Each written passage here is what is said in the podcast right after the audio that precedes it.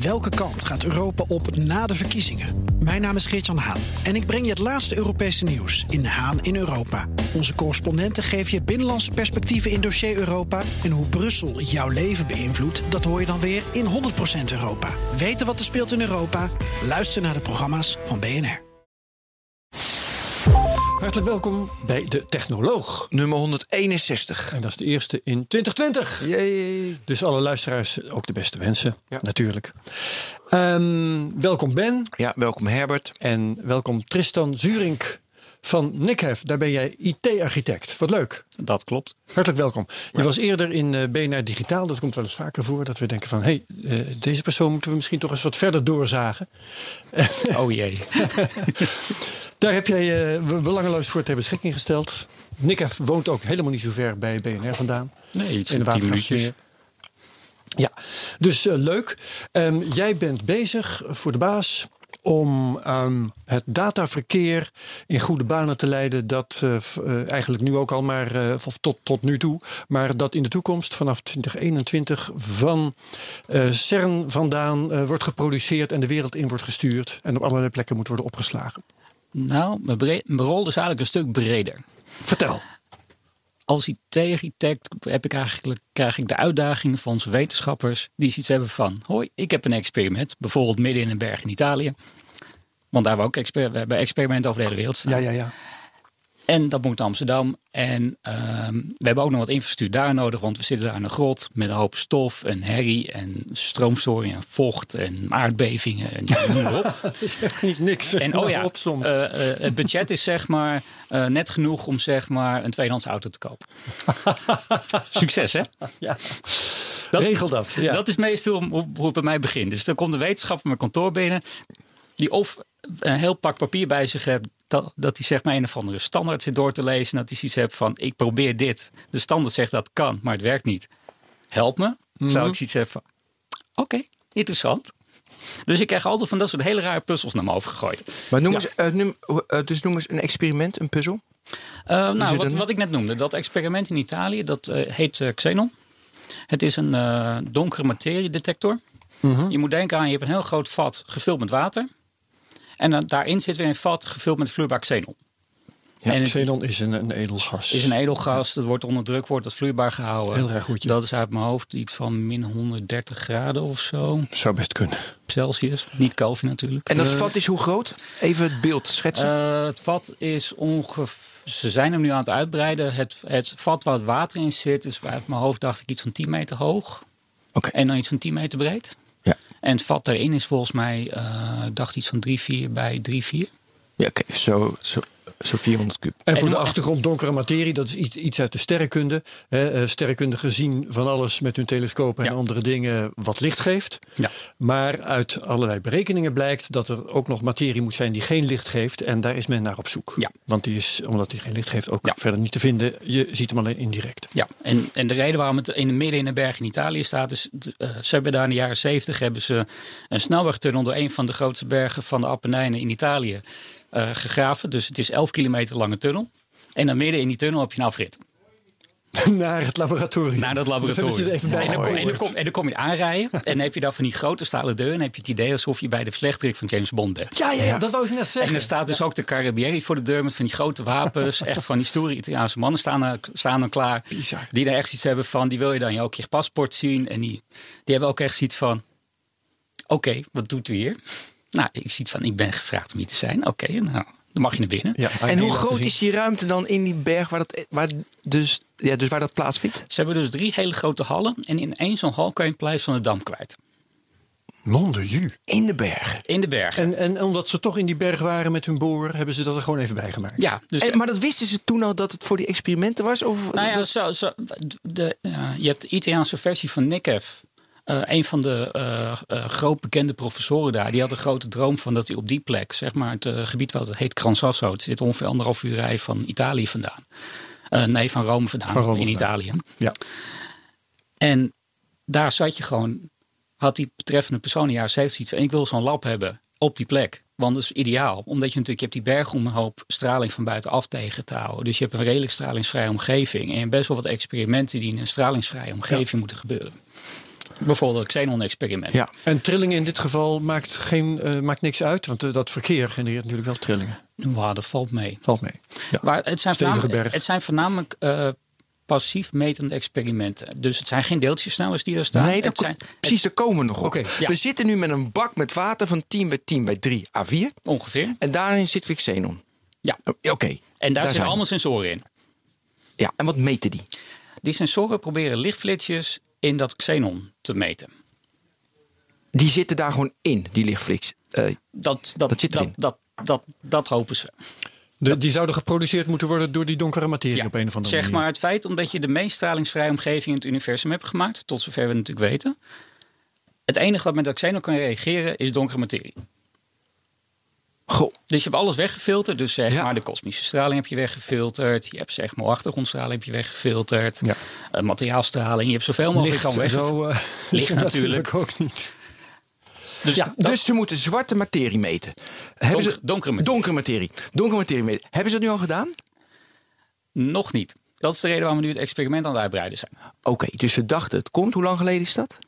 Eh, de eerste versie van het experiment is iets van 10, 15 jaar geleden begonnen. Het begon gewoon in een, in een van de eh, tunnels van, het van zeg maar, dat complex. Hadden ze in een hoekje hadden ze zeg maar, met grote jerrycans water om een, zeg maar, een bakje met xenon. Zo zijn ze begonnen. En dat zat gewoon in een container. Dat is toch geweldig dit. Ja, en toen Op de keukentafel. op de Ja, keukentafel. wij van op de keukentafel. We, hebben, we, hebben ook een we hebben ook een hele kleine versie van dit experiment op ons eh, op locatie staan. Ja, maar dat is een gimmick. Ja, het is, het is heel klein, maar het is Ja. wel heel nuttig. Om te demonstreren aan Ja, mensen zoals jij bent die langs Ja, ja, ja, ja precies. Oké, ehm, en, maar hoe- en hoe weten ze, maar misschien ga ik nu veel te diep, hoe weten ze nou dat die ehm eh, zo- eh, donker, met die moet ik nou donker of zwart zeggen? Donkere. Die donkere, met, ik, schrijf, ik schrijf zwart op, dus daarom ging fout. Waarom, eh, hoe weten ze nou dat dat, in die, dat dat erin moet zitten? Nou ja, de, de theoreten van deze wereld hebben natuurlijk de grote puzzel die hebben dat van het standaardmodel. En daar zit natuurlijk op dit moment nog wat gaat in. Ja. Zeg maar, als, het, als we dat model volgen, dan weten we ongeveer iets van 6% van alle materie die er is, is bekend. Ja. En nog iets van 20% is eh, eh, antimaterie en de rest is zeg Oh maar donkere energie. Ja, ja, ja. Ja, maar Nee. ik, dat vond ik al zo leuk, want ik heb het natuurlijk in, die, in, eh, in, in dat tijdschrift van jullie heb ik ook zitten lezen. Mhm. Toen dacht ik standaardmodel. Toen dacht ik, hé, er is een standaardmodel. Ja. Maar kun je dat ook even vertellen wat, de, wat het standaardmodel dan is? Het standaardmodel is dat je hebt dus eh, evenveel eh, eh, deeltjes en antideeltjes. Ik ben zeggen even erbij dat ik geen natuurkundige Dat weet ben. ik erbij. Ik Ik wel, dus misschien kan ik je helpen. Oh, maar ja. eh, vertel La- eens. laten we onze natuurkundige Herbert even vertellen wat is. Ja, hè, wat leg jij dat even uit? Eh, ehm, je hebt waarschijnlijk op de middelbare school iets geleerd over atomen en zo. En eh, bij scheikunde leer je dan dat eh, moleculen bestaan uit atomen, weet je wel. En CH4, methaan, dat is kool- atoom eh, koolstof en vier atomen waterstof. Nou ja, eh, het standaardmodel gaat dieper en vertelt je dat eh, die atomen weer bestaan uit atoomkernen en daar elektronen omheen. Die atoomkernen bestaan uit protonen en neutronen. Die protonen en neutronen bestaan uit quarks. En dan begin je al op het niveau van het standaardmodel te komen. En die quarks, daar heb je hele families van, die kan ik al niet eens meer opsommen. Ja, up, down, en daarnaast top. heb je bottom, strange Ja, en nog een paar. ja. Maar in ieder geval, eh, die hebben, er zijn er zes geloof ik. Maar eh, met ook weer allemaal hun antiquark. Dus dan zit je Mhm. al twaalf. Materie en anti- antimaterie. Elk deeltje heeft zijn antideeltje. Je hebt elektronen en een antideeltje is Positronen. positronen. Nou ja, eh, dus dat stand- standaardmodel is een geweldige kaart een, met, met een he- eh, overal families en stambomen van dit soort deeltjes. Het Higgs deeltje Zit er ook bij deel- natuurlijk. En- onderdeel van eh, waar we het straks over gaan hebben Zeker. in verband met Genève. Want Ja. daar is, eh, en dus het bezig. dat beschrijft, dat is het model hoe, de, hoe, het, hoe het universum in elkaar zit. Ja, hoe, welke, deeltjes Welke deeltjes- de bouwstenen zijn van alle materie om ons Ja. heen. En we hebben 6% zei je net van dat model nu denken we in kaart. Nou ja, van alle materie waarvan we denken dat het bestaat. 6 Is 6% de materie die we op deze manier kunnen verklaren met oké. dat standaardmodel. Ga maar door. Nee, jij denkt, waar waren we dan? Nou, waar we waren was dit.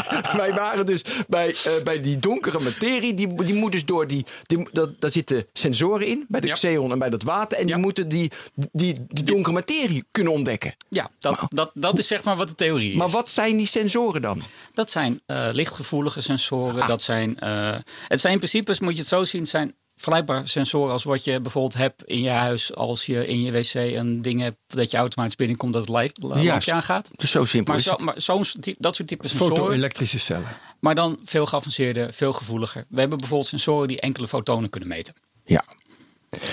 Dat mag best. eh, Ja, dat is Ja, dat, dat is zeg maar iets wat heel moeilijk is om te maken, wat, je niet, wat niet heel triviaal is. één lichtdeeltje. En gaat zo'n experiment dag en nacht altijd door? Dat meten, meten, vindt het nooit. En nou, hey, daar heb ik een halve nee, een halve. Nee, dus wel of niet? Of is het van, we moeten dat opzetten, drie maanden voorbereiden en we gaan nu iets meten? Nee, in principe is dat, een is dat een voorbeeld van een experiment dat continu doorgaat. Het is ook een experiment waar continu aan de knopjes gedraaid wordt om het steeds verder af te stellen. Steeds mooier, steeds beter, steeds gevoeliger. Ja, ja, snap ik. En dan komt er dus. Da, de, de, de- de- en dan is het wel, ik heb, maar ze hebben het nog niet ontdekt, die donkere materie, zei nee, dus anders- wel- anders dus nu heb je ook geen data. We hebben wel data, we meten wel van alles. Maar je meet dat je het niet meet. we meten, we meten Ja. dingen en we zijn aan het uit, we zijn dat natuurlijk aan het doorspitten om te kijken van wat zit daar, daar nou precies in. Ja, omdat je, want op je die manier. bijvoorbeeld iets wel waarvan je zeker Ja. weet dat het geen donkere materie eh, Ja. is. En dan betekent het dat je dat moet wegfilteren Ja. en zo verfijn je dat. Het kan best zijn dat we nog steeds een stukje kosmische straling kunnen meten. Ja, Omdat eh Weefveld de zon eh, een hele dikke scheet heeft gelaten. Even, dat kan, hè? dat kan ja. Dat kan. Moet het ook zonnevlekactiviteit of eh, Ja. ehm, eh, hoe heet het ook weer, zonnewind. Ja, of dat dingen. we zeg maar dingen van zeg maar een bepaald. Het kan best zijn dat ze hartgolfeffect hebben op, eh, op dat experiment. Ja. Dat weten wij veel. Oké, dus je krijgt er heel veel. Maar dat kan dus. In, je kan hem zo afstellen dat verwachten ze in de toekomst dat die donkere materie echt heel duidelijk is. Vanuitgaan dat de theorie Nou, klopt. ja, precies. Ja, daarom. Dat, is- dat is de grote vraag. De reden waarom we het experiment doen is natuurlijk omdat we, we Denken dat- we denken dat het zo is, maar we weten het natuurlijk niet zeker. Nee, nou ja, het, kan dat is een experiment. het kan ook best zijn dat we straks een experiment, eh, als, als eh, zeg maar de geüpgrade versie klaar is, dat we nog steeds niks vinden. Dan kan het of zijn van we moeten een groter ding bouwen. En dan zo, iets zo groot bouwen wat het zeker weten moet vinden. En anders bestaat het niet. Ja. Dat is natuurlijk ook een antwoord. Ja. Of we vinden het wel. ja, of je vindt bijeffecten die nog veel Ja. mooier zijn. Een van de leuke dingen van jouw werk lijkt me dat je, je, je bent IT-architect, maar je steekt een godsonmogelijke hoop op over natuurkunde. Oh ja. Ik heb wel eens collega's die staan dan in mijn kantoor. En dan krijg ik even in vijf minuten schrijf ik mijn bord vol. En ik krijg een bord van, wat is het, drie bij één meter of zo. Want ik maak wel eens hele grote netwerktekeningen. En ik, en ik ladder dat helemaal vol. En er zitten soms tekens bij dat je denkt van, oké, oké. ik wist niet dat dat bestond. In welk ik- alfabet zit dat nou weer? in welk Ja. alfabet zit dat? Ik ken natuurlijk wel de, te- de, wel de, de typische natuurkundige tekens die je krijgt op de Ja, Grieks alfabet is natuurlijk Het Grieks geen probleem. alfabet is mij wel bekend. Ja. Maar soms zitten er ook tekens bij dat je denkt van... Ik Ja. weet niet wie dat heeft bedacht, maar die had vast een interessante avond ervoor. Mooi. Hey, zullen we naar de volgende stap gaan? Dus je hebt Ja, want dat. het ging over de data. Hè? Het ging over de data. Dus je hebt die data dan. Ja. Ja. Je hebt die sensor, die lees je uit. Dan kom je terecht in zeg maar, elektronica, dat noemen we digitizers. Dus die maken van het analoge signaal een digitaal signaal. Dat zijn gewoon eh, een soort van insteekmodules waar heel veel kabels in komen. Dus is een hele grote dikke kabelbrei. En vanuit die digitizers ga je de computer in. Dus we hebben een rekje met computers staan. We zijn expres gegaan voor een bepaalde fabrikant die ook veel levert aan eh, de industrie. Vertel maar welke dat is. Ja, We precies. het toch wel weten. Nou ja, het- we, we, zijn- we zijn daar expres voor Fujitsu systemen gegaan. Fujitsu. Ja. Oké. Zeg maar, Fujitsu heeft, wat is het, 10, 15 jaar geleden hebben ze de computerafdeling van Siemens opgekocht. Dus toen heet het een tijdje Fujitsu Siemens, tegenwoordig Ja. noemen ze het gewoon Fujitsu. Maar ja, Siemens die leeft natuurlijk al jaar en dag aan de grote Duitse fabrikanten. Dus die maken ook systemen die vrij stabiel zijn en vrij eh, strak in elkaar zitten. Het andere voordeel is, je koopt die systemen in Nederland. Want wij moesten als NICEF dat stuk leveren. Dus we moesten die systemen ook in Nederland kopen. Omdat we dat natuurlijk met Nederlands geld kopen. Dus wij kochten dat in Nederland. Maar ik wil wel in Italië onderhoud hebben. Dus als iets daar stuk gaat, dat ze daar gewoon naar het eh, onderhoudsnummer daar kunnen bellen. En dat dan een Italiaans mannetje langskomt of vrouwtje met onderdelen. Ja. Er zijn fabrikanten in Nederland die dat of niet kunnen, of niet willen. Of je moet zoveel papierwerk door, waar je niet blij van wordt. En hier was het iets van, het maakt ons gereed uit waar die systemen staan in Europa. Je belt het nummer, je vertelt waar je bent en wij komen langs. Komen is langs. Ja. Punt. Het andere, Dus niet op afstand dat ze de, dus iets met die computers kunnen. Nee, want je zit daar in een afgesloten omgeving. Oh ja, dan moet ik, je- ik zit daar in een grot, zeg maar. Oh ja, tuurlijk. Nee, ja, stom. Dat kan natuurlijk helemaal niet. Ik wens je veel succes om erbij te komen. Maar loopt, er- loopt er geen ethernetkabel naar binnen door die berg? Ja, d- er loopt zeker glasvezel naar binnen. Glasvezel, pardon. Er ja. loopt glasvezel. Dus we hebben daar een opstelling gebouwd. We, hebben daar, we zijn er voor eh, eh, Fujitsu servers gegaan in Juniper switches. Juniper is een fabrikant die normaal gesproken hele grote uh, netwerkrouters bouwt. Dus hebben de grootste internetproviders van de wereld hebben een hele grote Juniper staan om een internetverkeer te doen. En die bouwen dus in principe alleen maar, uh, zitten in de professionele kant van de markt. Dus ze maken zeg maar, apparatuur die vrij goed, stabiel, uh, goede bouwkwaliteit. En die hadden dus ook dezelfde voordeel van, koop het spul in Nederland en wij regelen in Italië wel het onderhoud. Geen probleem. Dus ik had, daar, daar, ik had die opstelling hier in Nederland gebouwd. Op een bepaald moment hebben we dat zeg maar, in een grote kist gedaan. Hebben we naar Italië verscheept. Ik ben heel, uh, nou ja, ook naar Italië gegaan. Ik heb heerlijk mogen rijden door de bergen door Italië heen. Altijd interessant. Ik blijf verbazingwekkend vinden dat je met 160 zeg maar haarspelbochten kan pakken. Uh, dat is een heel ander onderwerp, maar, maar okay. wat voor auto had je? nee, ik heb het niet gedaan. Nee, dat mensen oh. op de weg daar doen. Ik, oh. ik blijf Italianen altijd verbazen op de snelweg. Maar oké. Okay. Ja. Dan kom je daar aan, dan kom je dus in het lab. Dan mag je dus alles installeren en zo.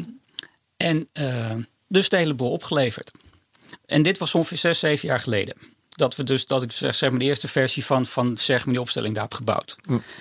Hoe uh, groot is die opstelling? Beeld vind ik Het mooi. is ongeveer een, half, uh, een halve computer, zeg maar half computerrekken vol met apparatuur. Oh, okay. Dus het waren iets van, uit mijn hoofd zijn het ongeveer vier, vijf servers bij elkaar. We hebben één server boven de grond die zeg maar, de data van ondergronds naar bovengronds haalt en vanuit daar verder doordistribueert. Kijk, ja, ja, dus dat is zeg maar, zeg maar de datapomp van vanaf uh, daar lokaal naar Amsterdam weer door te schieten. Want dat is natuurlijk ook belangrijk om de data naar Amsterdam te krijgen. Dat we, ja, daar komen we ook nog daar op. Komen we, zo, daar komen we, we, zijn, we zijn nog in Italië. We zijn nog in Italië. Waar ze 160 door bochten ja. rijden. Ja, en we zitten nog steeds in die berg. Dus we hebben daar die apparatuur staan. En qua software draaien we er gewoon een Ubuntu op. Dus het is niet uh, extreem uh, speciale dingen ja. wat we ermee doen. Ja. Maar het interessante over die apparatuur is... drie, vier jaar geleden was natuurlijk aardbevingen in Italië. Die best daar heftig waren. Ja. Dat was in dat gebied. Dan gaat je vat met water erg klotsen. Dat vat met water heeft daar, staan, heeft daar een paar weken staan klotsen. Uh -huh. Het vlu nou, vooral Xenon heeft daar een paar weken staan klotsen. Okay, ja. wat, en wat voor gevolgen heeft dat? Weet ik eigenlijk niet. Ik heb oh. begrepen dat ze zeg maar gewoon zitten wachten totdat het, het weer stabiel werd.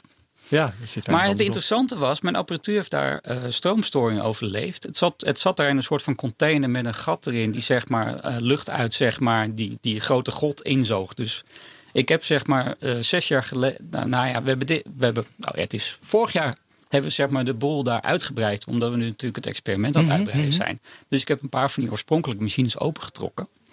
De ventilatoren waren helemaal vol met heel fijn gruis. Die hele machine was helemaal gezandstreld. Wow. Was helemaal zwart van binnen. Ja. Het enige wat stuk is aan al die machines is één reedcontroller. Wat zeg maar de aansturing van harde schijven doet. Ik vind het best netjes. Zo, zes jaar. Ja. Ik heb zeg maar genoeg systemen hier staan die bij wijze van elk jaar wel een mannetje nodig hebben. En die in een hele mooie uh, luxe uh, datacenterruimte staat ja. met gewoon alles in zeg maar semi-perfecte ja. toestand. Hey, en in zo'n geïsoleerde omgeving is koeling geen probleem?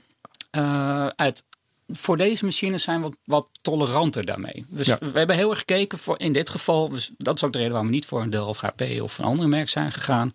Deze machines hebben wat meer tolerantie tegen warmte, tegen stof, tegen vocht, tegen uh, zeg maar alles wat er omheen gebeurt, daar kunnen ze wat beter tegen.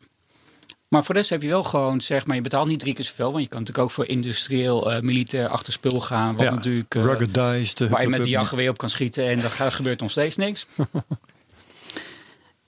Dus we hadden hier een heel mooi, zeg maar, uh, beste van beide werelden. Dus ja. we waren niet zo extreem industrieel dat je zeg maar de hoofdprijs betaalt. Maar je hebt nog wel gewoon nog steeds uh, relatief normale apparatuur voor een goede prijs. Ja, kun je iets vertellen over het selectieproces? Was dat, is dat ook geluk of ga je echt dat al de specs door en demo's? Dus hoe doe je dat? Ja, en dan wil ik nog even als achtergrond de, erbij hebben dat je van tevoren zei dat het moest voor de prijs van een tweedehands auto. Ja. En hoe dat dan gelukt is. Want ja, dat, dat, dat, dat allemaal selectieproces. alsof dat nooit ging lukken. Nou ja, Deze podcast gaat drie uur duren ja. als het zo doorgaat. Want dit was het voorbeeld nog maar. Dit was zo precies. minuten. Nou, kom maar op. Nou ja, uh, ons selectieproces, wat we aanhouden, is we nemen altijd, we, we maken voor onszelf maken een lijstje aan dingen waar we het moeten doen. Je hebt natuurlijk een hele berg technische specs, dus je wilt zoveel opslag, zoveel geheugen, zoveel rekenkernen, zoveel netwerk. Dat zijn de standaard dingen. Maar we kijken dus ook ernaar van in wat voor omgeving kom je nou uiteindelijk in terecht. En wat vinden wij zelf het belangrijkste?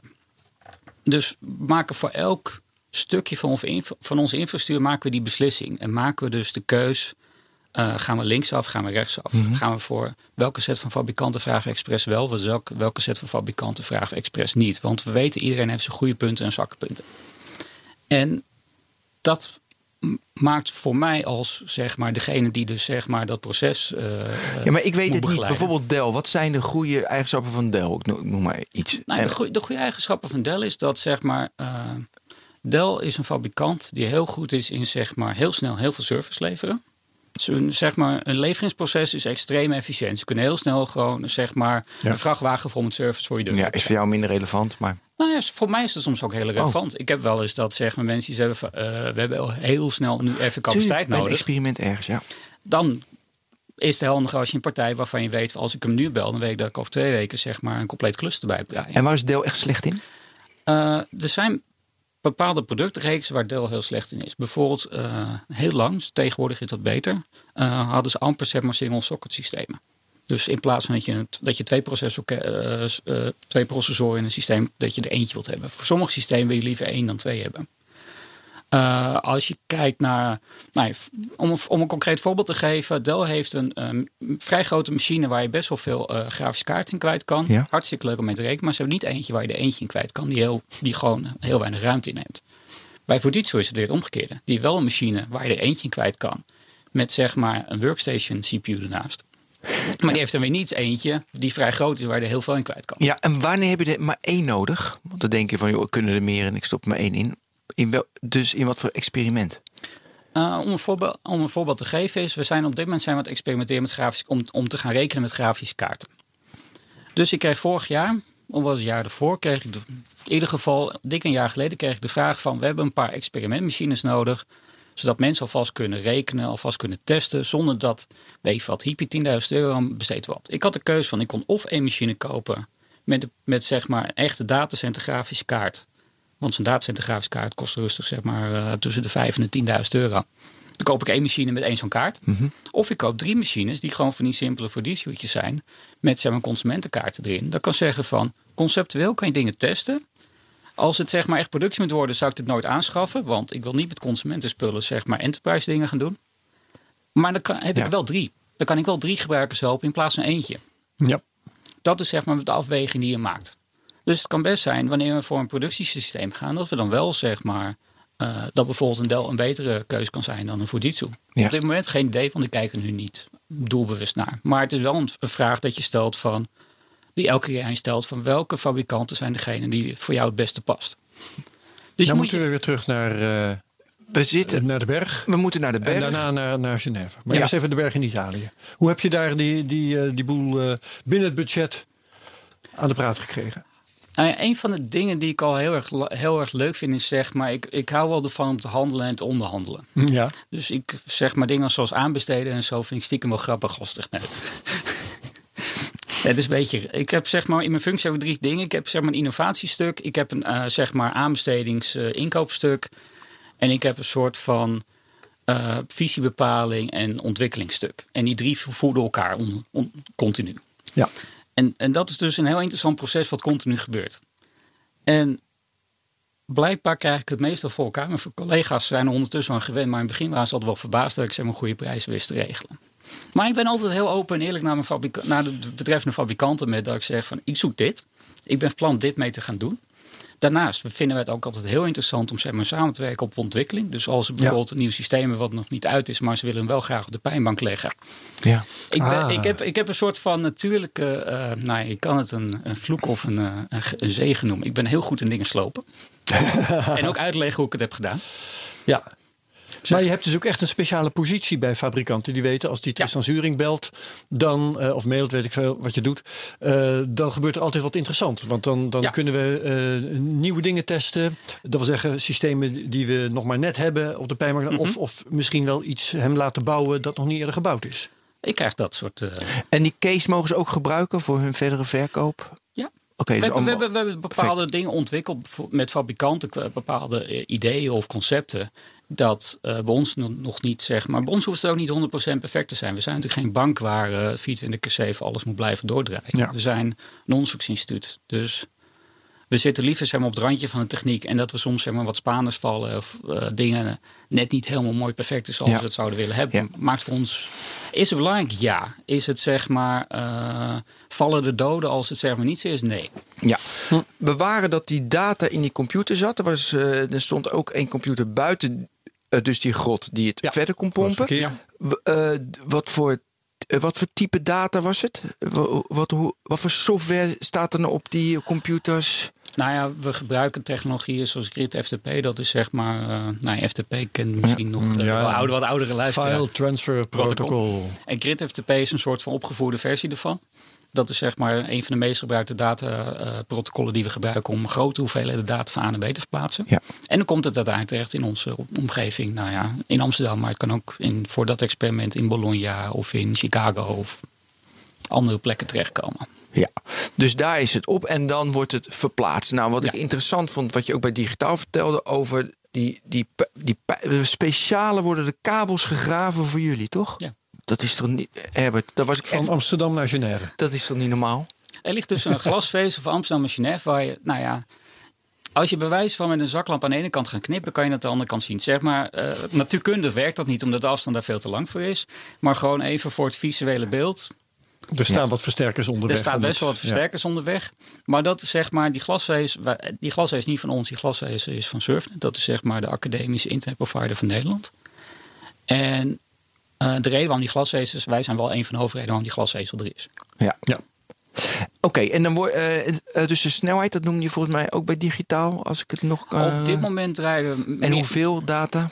Op, op dit moment draaien we, hebben we een 100 gigabit eh, kleurtje erop zitten. Er zitten meerdere kleurtjes naast, omdat Surfnet die VS ook gebruikt voor andere partijen zoals ons op andere plekken in de wereld. Want Amsterdam is natuurlijk een hele mooie plek waar heel veel dingen samenkomen. Door die glasvezel gaan verschillende kleuren. En met elke kleur kun je een x hoeveelheid data transporteren. Ja. Maar we hebben het plan om ergens deze lente naar 400 gigabit te gaan. En we, hopen dan, we verwachten daarmee de eerste in de wereld te zijn die dus een eerste 400 gigabit internationaal over die afstand. Ja, en Ja. dat is gigabit per seconde. Hè? Ja. Dus dat is een, een dijk van een harde schijf. Nou ja, ze is tegenwoordig niet eens zo bijzonder meer, maar wel per seconde. Het is heel veel data per seconde. Ja. En dus we, dit is het experiment met een beetje donkere materie vinden, met xenon. Maar er zijn natuurlijk ook al die andere experimenten. Ja. Hoeveel worden er gedaan daar? Ja, dat- donkere materie, dat was in die berg Ja, in, de Apennijnen. En Ja. eh, nu gaan we langzamerhand Ja. mentaal naar Genève, hè, geloof ik. ik denk dat we eh, nu naar ja. Genève moeten. En daarna komen we natuurlijk ook in Amsterdam uit. Ja. Wat we dan met die data allemaal gaan Ja. doen. En in Genève zijn ze bezig met dat standaardmodel eh, om dat eh, Te verfijnen. Daar zijn ze dan bezig met. lichten. Daar zijn ze met een ander stuk van het standaardmodel natuurlijk bezig. Daar is- kijken ze natuurlijk naar de Higgs-deeltjes, naar de quarks. Zeg maar al- een beetje alles wat je natuurlijk met een deeltjesversneller wel Ja. kan maken. Ze knallen loodkernen op elkaar, las Ja. ik in die Ja. Large Hadron Collider, Ze doen loodkernen en ze doen elektronen. Right. Maar ik vind wel even, want het gaat natuurlijk om die data. Ik vind het wel even interessant om dat experiment en wat voor data daar dan uitkomt. Ik had het, als ik alles las, van hé, wat voor data heb, wat zie ik dan in, op mijn computerscherm, wat voor data het is. Nou ja, qua, qua type bestanden zijn het, we noemen het root-bestanden. Root is zeg maar een bestandsformaat wat tig jaar geleden is ontwikkeld zeg maar, om eh, onze type data in kwijt te kunnen. Dus dat is ook het formaat waar we mee rekenen.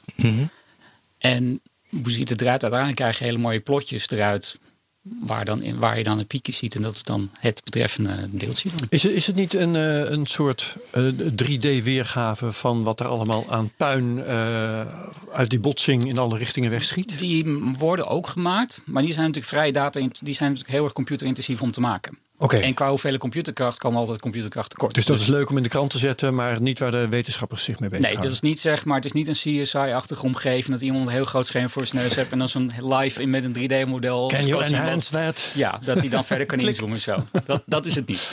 Ja. Het, het- wat, je, wat je voornamelijk ziet is zeg maar dat mensen plotjes maken. Dus in principe gewoon grafiekjes met daarin zeg maar de distributie van eh, de type eh, deeltjes die is langs zijn gekomen. Ja, en iets, eh, iets meer vertellen over die type deeltjes. We hadden het over Higgs en quarks, maar dat je daar, hoe dat experiment eruit ziet. We hebben natuurlijk wel plaatjes gezien en ik heb ook al filmpjes gekeken.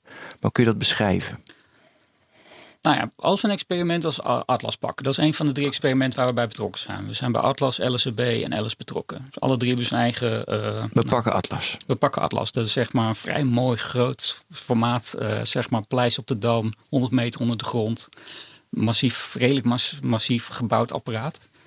En dat betreffende experiment heeft- had natuurlijk het oorspronkelijke doel om het Higgs-deeltje te vinden. Nou, dat is gevonden. En In nu- 2012. in 2012. En dat betreffende experiment is nu vandaan bezig om te kijken naar de eigenschappen van dit deeltje. Het is leuk dat het bestaat, maar je weet nog niet hoe, die hoe het precies het ding eruit ziet. Hoe zwaar dat ding nou precies is.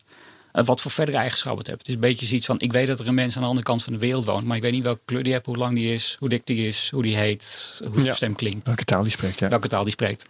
Dat Ja. is een beetje waar we nu in zitten. Dus En hoe, hoe ziet dat experiment dan eruit? Dat Atlas-experiment, hoe gaan ze ontdekken hoe groot die is, hoe eh, huidskleur, hoe dik enzovoorts? door heel vaak gewoon eh, hetzelfde experiment, zeg maar dezelfde type botsingen te herhalen. Het is heel veel herhaling. Dus je moet heel vaak moet je zeg maar, het is eigenlijk het ongeveer hetzelfde doen, maar net weer anders. Ja. En is er wel eens iemand die het op. Ik wil nu zit hier natuurlijk in een. Weet je, jullie zitten in jullie denkwereld. Ehm, is er wel eens iemand die op een hele andere manier waardoor je iets meer ontdekt? Ik snap je. Ik Ja, probeer, dat is de reden dat ze drie verschillende experimenten hebben. Hè? Dat Atlas en Op een- vier. pardon. Oh, het is hetzelfde. eh, b- Het proberen te ontdekken wat het Higgs-deeltje precies doet. Dat doen ze op vier verschillende experimenten. Nee, dat, Vier doen- verschillende- dat zijn de, Zeg het maar. de LSC zitten vier grote experimenten, Ja. waarvan twee elkaars, nou ja, collega's, concurrenten tegenpolen zijn. Dat is ook de reden waarom we maar lid zijn van drie van de vier. Want je mag niet in beide experimenten zitten die het Higgs-deeltje probeert te vinden.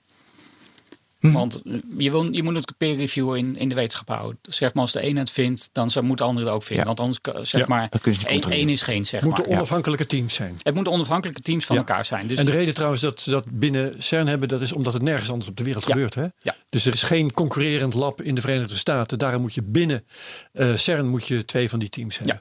Anders doet niemand, het, eh, Ja. doet niemand anders het. En wij hebben toen de keuze gemaakt voor Atlas te gaan in plaats van CMS. CMS is het, zeg maar de, de, de tegenpol. Ja. De experimenten zijn ook op een andere manier gebouwd. We hebben ook op een eh, andere manier hebben ze dus ook gekeken van hoe kan je dat Higgs-deeltje ontdekken. Dus ze zijn geen klonen van elkaar. En die twee houden elkaar ook zeg maar scherp. Ja. En op die manier wordt zeg maar als de ene weer een bepaalde eigenschap ontdekt, dan wordt ook gekeken van of die andere het ook ontdekt, ja of nee. En op die manier speel je dat spelletje verder. Maar voor dat experiment heb je toch niet de IT-infrastructuur eh, zeg maar helemaal op hoeven zetten? Want dat was het toch al, of dat is te groot, of ja, weet ik veel. Er was nog niks. Zeg maar, Dat heb je ook opgezet. Nou, ik persoonlijk niet, maar zeg maar, de, LS, zeg maar de ideeën van LSC zijn in de jaren 80 begonnen. Zeg maar, de persoon Pieter Toen moest jij nog geboren worden, schat ik. toen was ik, ik was in 86 geboren, dus Oké. volgens mij waren ze in 86 waar de eerste ideeën van, nou, hoe gaan we een LSC bouwen, hoe gaan we die experimenten bouwen. Het betreft niks, het, het geheel was pas in 2008 klaar. Ze zijn eind jaren 90 begonnen met bouwen. Dus zeg maar, dat is zeg maar het proces waar Ja. ze doorheen zijn gelopen. In eind jaren 90 hadden ze ook zoiets van, er gaat zoveel data uit zo'n ding komen. Dat kan je A niet op één plek verwerken. En B, je wilt het ook niet op één plek verwerken. Want je werkt natuurlijk met een soort van wereldwijde collaboratie werk je aan een één groot experiment. En elke wetenschapper moet toegang kunnen krijgen tot die data die erbij betrokken is. En Ja. daarom is zeg maar dat hele idee van het eh grid computing ontstaan. Dat je zegt van we bouwen in principe een soort van infrastructuur. Wat bestaat uit heel veel kleine eilandjes die wel met elkaar kunnen samenwerken. En dat je in principe met je, met je certificaat, je digitale paspoort, kan aankloppen. Kan zeggen van hoi, ik ben Pietje, ik werk voor dat instituut. Ik ben van dat experiment en ik wil graag bij jou rekenen omdat jij tijd vrij hebt. Ja. En omdat de data bij jou staat. Oké, dus je, vanaf van afstand kun je niet alleen aan die data komen, maar je kunt ook vanaf afstand aan rekencapaciteit komen. Ja. Dat hoef, hoef je niet op je eigen instituut te hebben. Nee, maar je moet wel vanuit als instituut, zeg maar, je hebt natuurlijk een soort van verdeling van instituten. Dus je hebt zeg maar als tier 0, dat zeg maar CERN zelf, dat is zeg maar de bron van de data. Dan heb je een aantal tier 1's eromheen. Dat zijn de plekken waar de data wordt opgeslagen. Er is een kopie op CERN, maar er is ook minimaal één à twee kopieën in de rest van de wereld. Dat wordt bij de tier 1's gedaan. Dan heb je de tier 2's, dat zijn de grote universiteiten. En dan heb je de tier 3's, dan moet je denken aan eh, onderzoeksgroepen die gewoon een klein cluster hebben staan. Oké. Dus dat zijn zeg Het maar zijn de, allemaal rangen, zeg maar. er zit een soort van rangensysteem Ja. in. En wij zijn zeg maar samen met onze buren, dat is zeg maar Surf Sara, het Nationaal Supercomputercentrum, eh, zijn we dus een tier 1. Ja, dus je bent een van die plekken waar ook reservekopieën worden opgeslagen Ja. van een deel van de data Ja. van, eh, die origineel bij CERN worden gegenereerd. We hebben iets van 10% van de data hebben we hier in Amsterdam staan. Ja. ja. Hey, dat brengt me erop. Eh, blijkbaar wordt dus eh, bij CERN worden alle data geproduceerd. Worden Mhm. ook alle data opgeslagen. Hè? Dat is eh, ik Ja. de, de eerste kopie. Ja. Ehm, heeft CERN ook een Tristan? En dat is dan iemand met wie jij voortdurend in gesprek bent Nou waarschijnlijk. ja, ze hebben niet één Tristan, ze hebben een soort van opgeknipte Tristans die allemaal weer subtristans zijn. Tier 1 Tristan, tier... nou ja, een beetje flauw langzamerhand. Nee, bij CERN is het zo, omdat ze natuurlijk best wel een hele grote IT-organisatie hebben. Want ze hebben 3000 wetenschappers er rondlopen. En het Hoe groot is de IT-organisatie daar? Een paar honderd man. Nou ja, zo. Dus ze zijn ook veel meer verspreid. Tuurlijk. En iedereen heeft zeg maar veel meer een specialisme. Dat is de reden waarom je meerdere Tristans hebt die allemaal Ja, een stukje van de Tristan Ja, hebt. ja. Ja. Wij zijn Een- een instituut van, wat is het, 250 Eentje voor man. datatransport en één voor dataopslag en allerlei andere Ja, dingen. ik vond de dataopslag ook wel interessant. Eh, dus hoe je dat had gedaan, dat hoorde ik ook in digitaal. Dat het ook een speciale manier is met het opslaan, welke geheugenkaarten, dat soort. Kun je daar meer over Ja, vertellen? We hebben, als je naar ons systeem kijkt, we hebben, het, ehm, we hebben op verschillende manieren dat we data opslaan en, en waar we ook tijdelijk de data in opslaan. Als je kijkt naar onze rekensystemen, dat stoppen tegenwoordig NVMe SSD's in als een soort van, nou ja, we noemen dat scratchspace, dus zeg maar gewoon een stuk dat je een heel groot stuk werkblad hebt waar je tijdelijk je data op binnen kan halen, waardoor je zeg maar, zeg maar de dataverwerking los kan laten en vanuit daar. Eh, wat eigenlijk gewoon redelijk vluchtig is. Je hebt je data daar tijdelijk staan. Ja, Dus iemand- SSD, dus solid state. De Ja. eh, snelle, maar wat duurdere Ja. opslag. eh, Ja, dat zijn vrij, het is vrij dure opslag, maar zeg Hele maar. grote USB-sticks, Ja. bij wijze van spreken. Ja. Ja. Dus dat is zeg maar waar we vooral SSD's gebruiken. Als je kijkt naar onze opslagsystemen, SSD's zijn veel te duur om zeg maar, data voor langere termijn in op te slaan. Dus daar gebruiken we gewoon harde schijven. Alleen moet je wel slim omgaan met die harde schijven, om, dat voor, om zeg maar, nog wel de steeds de snelheid eruit te krijgen die je nodig hebt. Want de, we hebben een soort, we moeten in principe eh, zeg maar, het hele systeem moet zeg maar, in een dag leeggehaald kunnen worden qua eh, datasnelheid. Dus als je een systeem hebt van 100 terabyte, moet je hem eh, uit mijn hoofd, wat is het, 1,2 gigabyte per seconde halen? Dat ga ik niet narekenen, maar het zal Nee, wel. nee, volgens mij is het meer. Aha. We hebben, we, hebben een aantal, we hebben een aantal formules staan waarin staat van hoe we zeg maar, de data moeten Ja. eh, uit het systeem Maar 100 moeten terabyte kunnen is de orde van grootte van data wat jullie gewoon voortdurend eh, in huis hebben. Nou, we hebben, wat, nou, we hebben eigenlijk meer eh, opstaan. We hebben wat uit mijn hoofd iets van 5, 6 petabyte in opslag staan. Dus dat is Petabyte is dan weer 1000 terabyte. ja, wat Ja. weer een miljoen gigabyte is. Precies. En bij dat soort systemen, we bouwen tegenwoordig systemen met ongeveer 500 terabyte in één systeem. We daarvoor, vroeger hadden we, waren we al heel blij dat we systemen konden bouwen met 100 terabyte erin. Ja. En ook, Ja. Hey, ik zit toch, als het zoveel is, hè, dan denk ik toch altijd aan al die hele oude foto's die je nooit meer inziet en die ergens liggen. Mhm.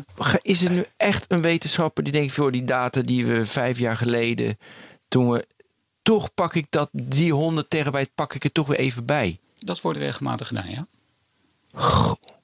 We hebben regelmatig dat ook data wordt vergeleken van, zeg maar, van een aantal jaar terug Ja, met de data van nu. En we hebben nu Ja. nog steeds ook heel veel data liggen Mooi. wat nog niet verwerkt is. Ja, ja, ja. ja, ja. Want je draait het experiment, je zet natuurlijk die datakraan open, dus je krijgt heel veel data binnen. En, maar we hebben niet genoeg rekenkracht om die data meteen te verwerken. Ja. Dus op de momenten dat zeg maar, het experiment uitstaat, nu staat het uit om het natuurlijk weer verbouwd te worden, ja. is dus de tijd dat we dus zeg maar, die inhaalslag doen om weer door al die data heen te gaan. Ja, merk je dat het door de data heen gaat, nu sneller gaat? Ik las een mooi stuk van een collega van jou over kunstmatige intelligentie met dataverwerking. Dat het veel te weinig nog wordt gedaan. Want natuurkundigen die denken niet in kunstmatige intelligentie. En dan moet ik, dan moeten, dat moeten ze wel doen, zei hij. Eh, merk je dat het dus sneller gaat? Eh, langzaamaan wel. We, we zitten, dat, we komen dan bij mijn uitdaging over, nou ja, vanaf, laten we zeggen, volgend jaar en dan over een paar jaar erger wordt. Ehm, volgend jaar krijgen we twee keer zoveel data binnen.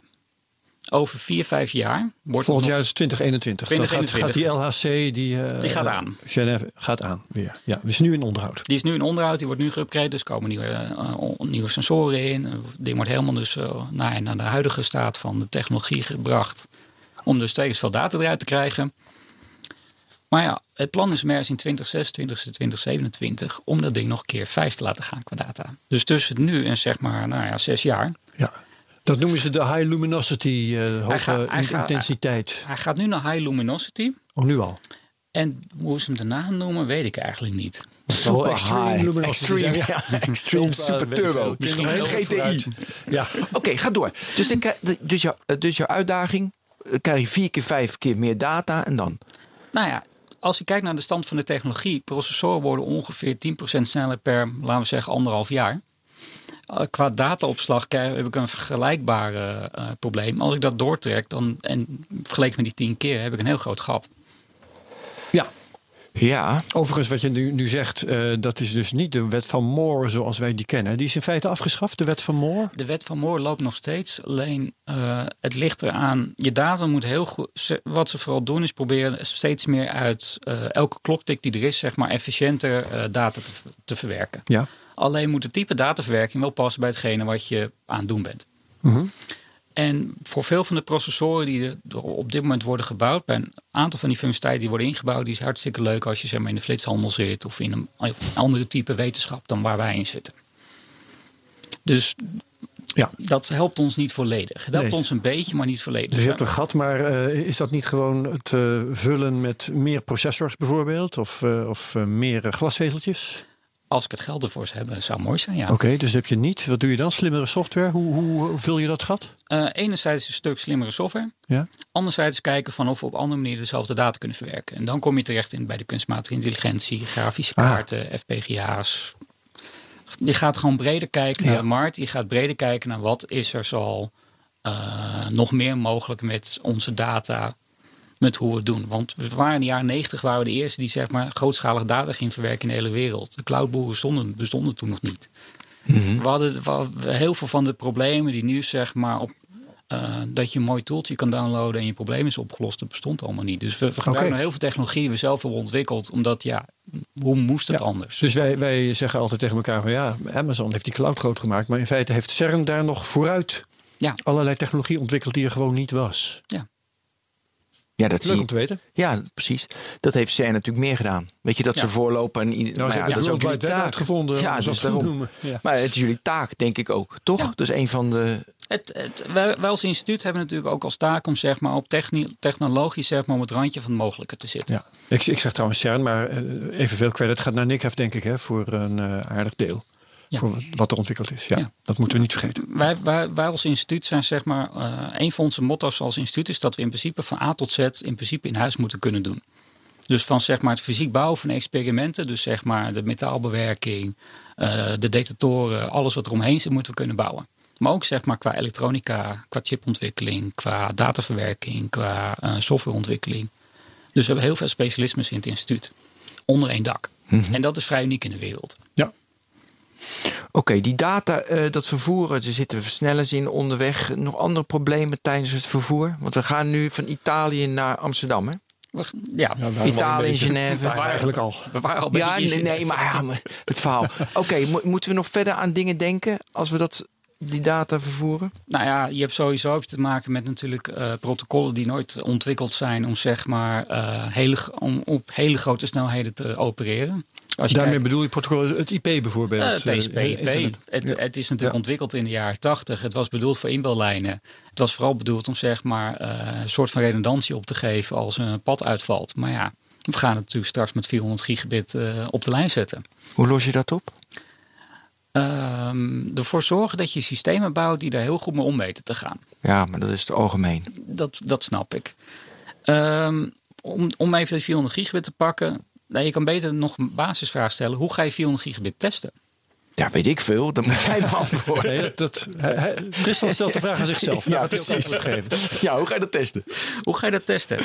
We hebben dus vorig jaar, we hebben een jaar aan doorlooptijd eh, besteed om een machine te bouwen waarmee we een miljard IP-pakketten per seconde kunnen genereren. Om een voorbeeld te geven, daarmee kan je vier seconden digitaal belletje, belletje trek doen op het hele internet. Heel fijn.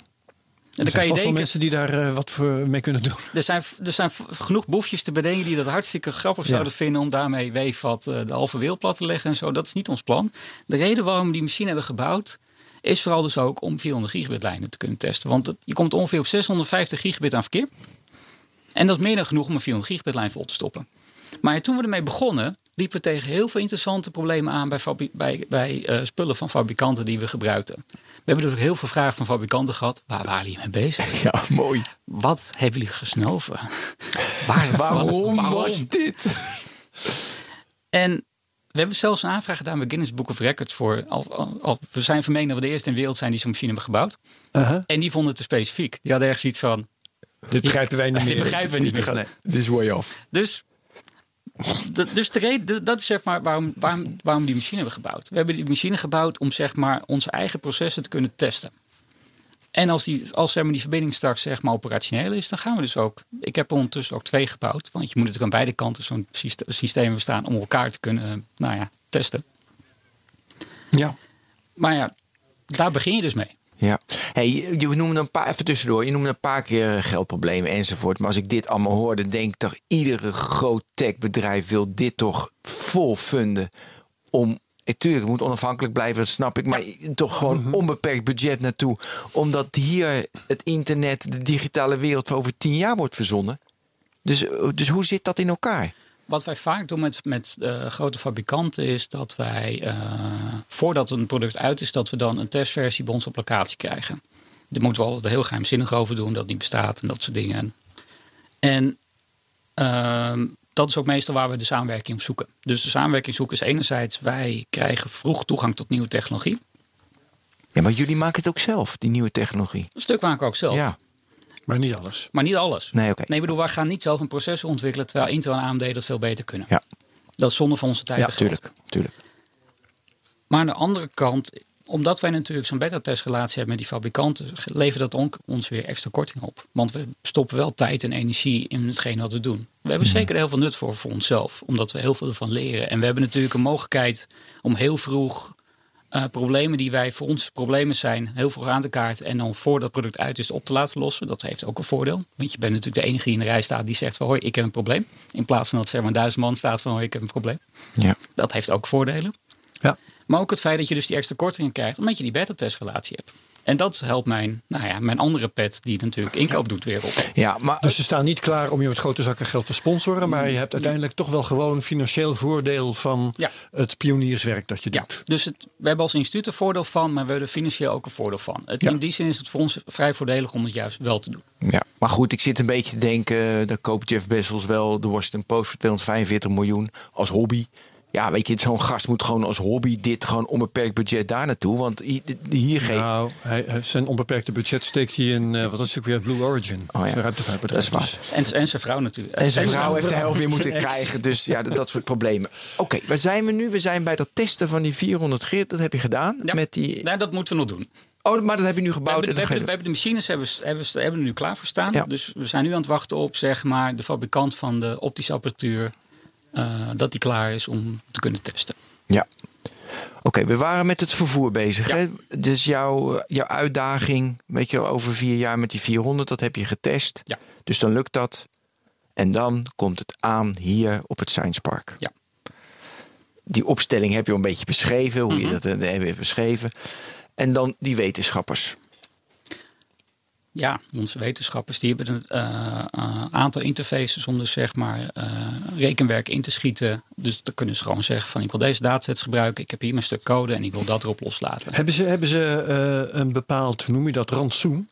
Zo van, je Ja. mag elke maand zoveel terabyte opvragen. Nou, het is niet zozeer terabytes, ze hebben zoveel rekentijd. Rekentijd. Dat is de dat- beperkende factor. Dat is de beperkende factor. Ah, zo, waarom is dat de beperkende factor eigenlijk? Omdat eh, dat ons schaarste goed is. Dat, eh, ja, dat zal dan wel. Ja. Zeg maar Ja. qua netwerk, eh, ons netwerk hebben we zo gebouwd dat we in principe zeg maar meer dan genoeg bandbreedte intern hebben. We hebben iets van 6 terabit aan intern netwerk. Dat is net zo ongeveer iets minder dan wat de AMSIX op dit moment, nou ja, recentelijk als piek had. Ja. Dus dan hebben we volgens mij een best mooi netwerk Ja. als simpel Ja. instituut. Dus dat is waar het probleem in zit. En als, hun, ze- als ze zeg maar, wetenschapper 100 terabyte in een dag wil doorstampen, nou, ik wens hem veel succes. Mij maakt niet uit. Gebruik dat netwerk vooral. Maar ja, qua rekentijd, onze clusters staan 24 keer 7 vol. Dus dat is waar het limiterende factor is. Dat is ook de plek waar eh, we, in principe de wetenschappers moeten knijpen. Omdat we daar een gebek aan hebben. Maar En, is- en waarom breid je dat dan niet gewoon uit? Waarschijnlijk omdat het te duur is. We, wat we doen is, we kopen in principe zeg maar elk jaar, elk anderhalf jaar kopen we een nieuw stuk van ons cluster. En dan proberen we natuurlijk met het budget wat we ervoor krijgen, proberen we zo efficiënt mogelijk weer een nieuw stuk aan te bouwen. En hoe meer we het natuurlijk aanbouwen, hoe meer ze kunnen rekenen. Ja. Maar ja, zeg maar, als iemand mij een miljard geeft, dan kan ik natuurlijk veel meer aanbouwen dan als ik een miljoen heb. Ja, en hoe, waarschijnlijk is het ook nog eens zo hoe ver je die rekentijd, sorry, die rekencapaciteit ook uitbreidt. Die wetenschappers weten dat het altijd wel vol te Oh krijgen. ja hoor, ja. het, het gaat altijd vol. ja. Zeg maar, je zet een cluster aan en binnen no time dan, eh, Oh, dan kunnen we dan staat hij weer lekker te stampen, zeg maar. Precies. Ja, ja, ja, ja. Zeg, eh, mensen vragen ook ons altijd iets van ja, tussen kerst en oud en nieuw staan we rustig op de infrastructuur. Nee hoor, er staat nog steeds het hele Ja, stijl dat vol snap hoor. ik. Precies, ja, want- tuurlijk. Die willen de 24, 7, Iedereen denkt 65 hetzelfde dagen en gaan. iedereen plant dat vol. Er, er zijn rond kerst zelfs piekjes. Ja, dat snap ik. Er zijn zelfs promovendi die expres rond de kerst gaan rekenen. Ja. Dat ze zeggen van de rest van vakantie, mooi, ik ga het cluster grijpen. Ja. Goh. Je hebt ook een, een, een acceptatieomgeving gebouwd. Kun Ja. je, eh, eh, dus kun je, kun je vertellen hoe, hoe je dat hebt gedaan? Wat er zo bijzonder aan is? Het bijzondere aan onze acceptatieomgeving is, eh, omdat we natuurlijk een lijst met eisen en wensen stellen, moet je natuurlijk ook kunnen bewijzen dat die eisen en wensen bestaan. Meestal zijn onze eisen en wensen soms een beetje bijzonder. En niet echt standaard op wat zeg maar, de informatie de fabrikanten kunnen leveren, dat ze kunnen zeggen van dit doet hij wel of niet. Eh, op dat moment zegt we tegen de fabrikant, lever ons een testsysteem, dan gaan we hem zelf testen. Maar om te kunnen testen moet je natuurlijk een acceptatietestomgeving hebben. Dus we hebben een aantal systemen staan die allemaal een specialiteit hebben qua test. Dus ik heb één die heel veel data kan verwerken. Ik heb één die heel veel data kan genereren. Ik heb er eentje die eh, juist hele hoge gigahertz heeft, waardoor die eh, waar, je, waar je dus heel mooi zeg maar, eh, single-threaded processen mee kan simuleren. En daar we dus een soort van mix staan waarmee we dus zeg maar een soort van ultieme pijnbank voor zeg maar, het systeem wat we moeten testen kunnen doortesten. En dat noemen we zeg maar, bij ons intern. Oké. Dus de, de speeltuin, zeg maar. Ja, Dus de machines hebben ook echt de speeltuinnamen. Ja. dat is ook goed, ja. Dus zeg maar een wipkip, een, glijbaan, een achtbaan en zo verder. En jij hebt, je hebt mij ook verteld dat, want eh, eerder zei je al als, eh, ik weet niet meer precies hoe je dat zei, maar als, eh, in mijn woorden dan, als Intel goede processors kan leveren voor het werk wat zij te doen hebben, dan zijn we wel gek als we zo'n chip zelf gaan maken. Maar jullie maken ook zelf chips, hè? Ja. Jullie hebben daar je eigen, vertel daar eens wat over. Wanneer doe je dat en hoe doe je dat? Op de momenten dat wij eh, zeg maar, onze elektronica afdelingen eh, en onze detector en die afdelingen hebben de mogelijkheid om eigen chips te ontwerpen en te maken als het nodig is. En dat doen we op de momenten dat het echt gewoon niet in de markt te vinden is. Dus voor, om een voorbeeld te geven, we zijn nu een experiment aan bouwen op de bodem van de Middellandse Zee, genaamd KM3-net. Dat zijn een soort van grote bollen, helemaal gevuld met, lucht, met lichtsensoren om neutrino's te detecteren. En daar zitten een paar chips in die, dus, die we uiteindelijk zelf moeten bouwen. Want het bestond gewoon niet. En wat voor eigenschappen waardoor Ja, je ze... ja. Uit mijn hoofd waren het vooral eh, om ervoor te zorgen dat we zeg maar qua stroom... Je zit daar in een omgeving waar natuurlijk stroom heel lastig is. Want, omdat je natuurlijk Bodem, niet heel, ja, bodem van de zee. Je zit op de bodem van de zee. Dus dus zonder stroom is- cellen werkt ook niet. Nee, dus Nee. stroom krijgen is natuurlijk eh, niet heel, is niet heel triviaal. En je wil natuurlijk voor zorgen dat het vrij betrouwbaar en vrij makkelijk af en aan te schakelen is. En daar moesten we wat eigen chips ontwikkelen om dat voor elkaar te krijgen. Ja. Hey, wat voor, want je zegt geld is zeg maar de gelimiteerde factor. Heb je nog meer dingen dat je denkt van als ik dat heb, dan gaat het fundamentele onderzoek nog sneller? Of beter? Ik denk, voor, wat ik ook vooral zie is aan de ontwikkeling vanuit zeg maar de, eh, van de fabrikanten zie je dat. Wat een mooi voorbeeld is, zeg maar, eh, de afgelopen paar jaar is een fabrikant als Intel, nou ja, om even heel flauw te zeggen, redelijk lui geweest. Ze hadden natuurlijk Monopolie. Ze hadden een redelijke monopolie. Ze hadden natuurlijk eh, ja, AMD als een grote concurrent. Die was natuurlijk weer, had zichzelf teruggetrokken eh, om natuurlijk iets heel moois te ontwikkelen. En in die tijd had Intel zoiets van we hangen lekker achterover. De prijzen gingen omhoog. En de, wat je ervoor kreeg, eh, werd, eh, het werd wel wat meer, maar het werd niet heel veel meer. Kijk, dat zijn voor ons ook ja, zeg maar bedreigingen en uitdagingen waar je ook, ook mee om moet gaan.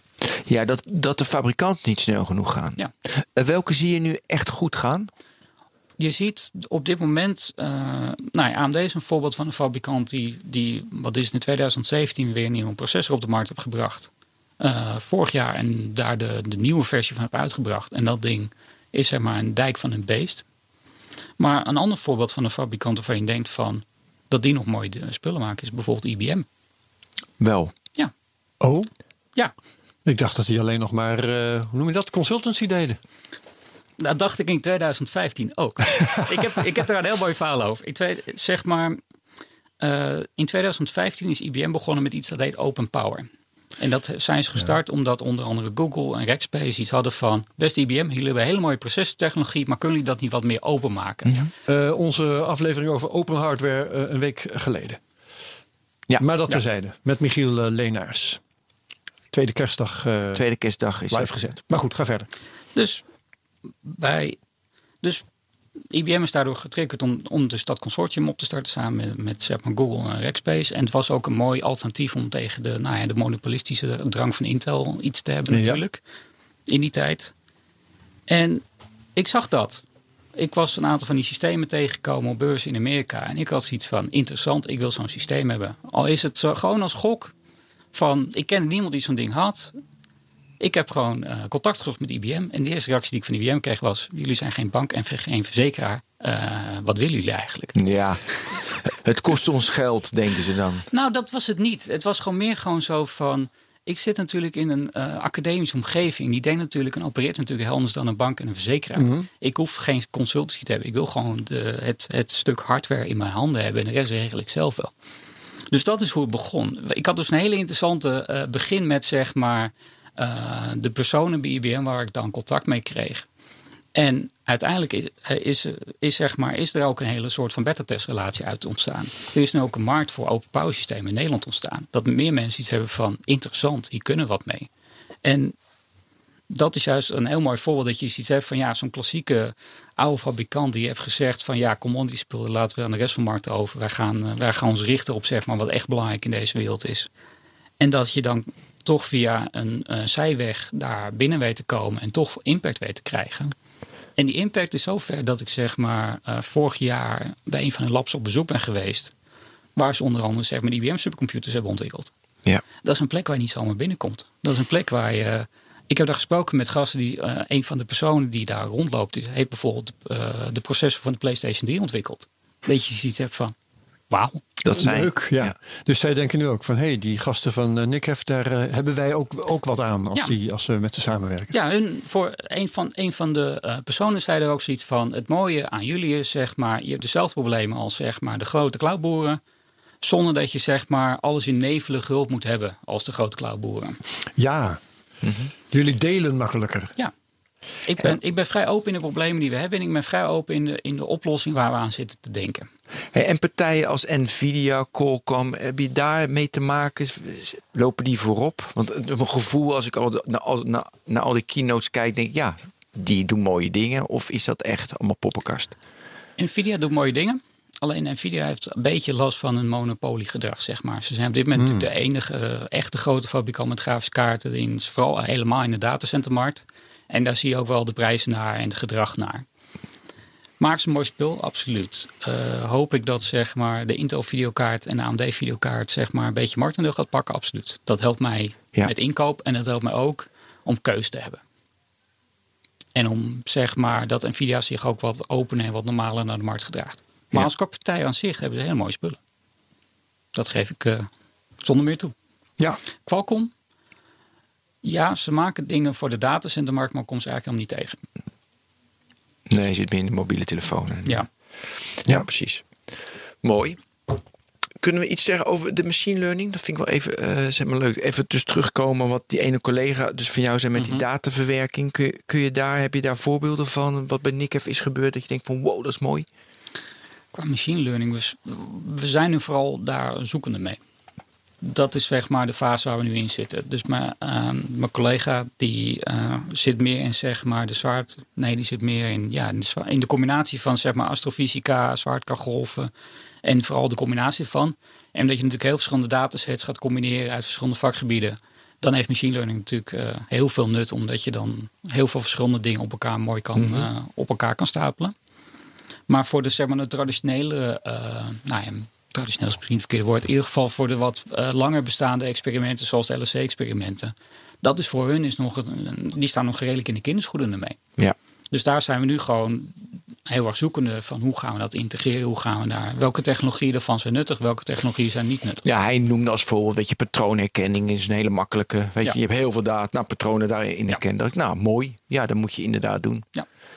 Maar dan heb je nog weinig voorbeelden dat er ook iets uit is gekomen. Nee, dat hebben we nog niet. Omdat eh, het zijn, het zijn vrij lange processen om door te lopen voordat je zeg maar kan zeggen van kijk, dit is wat het heeft gedaan. Ja.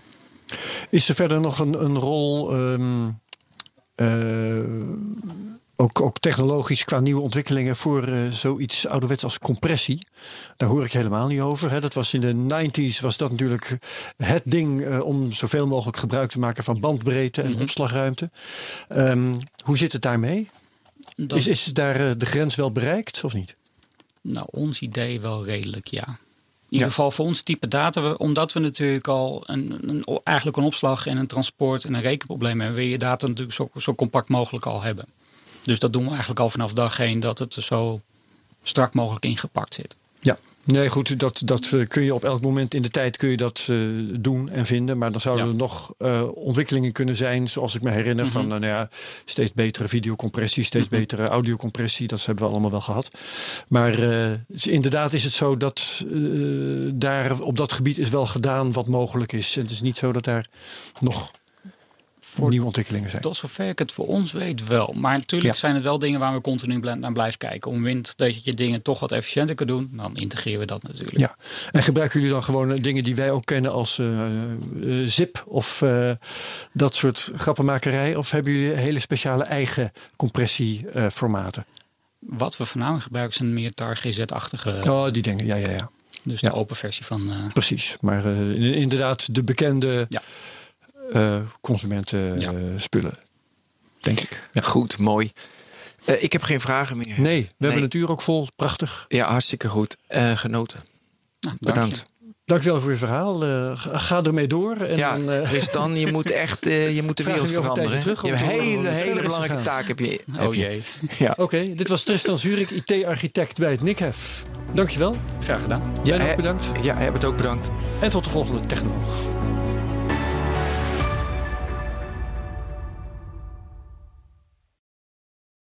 Ook Diana Matroos vind je in de BNR-app. Ja, inderdaad. Je kunt live naar mij luisteren tijdens de Big Five. Ook handig in de BNR-app. Breaking nieuwsmeldingen, maar ook het allerlaatste zakelijke nieuws.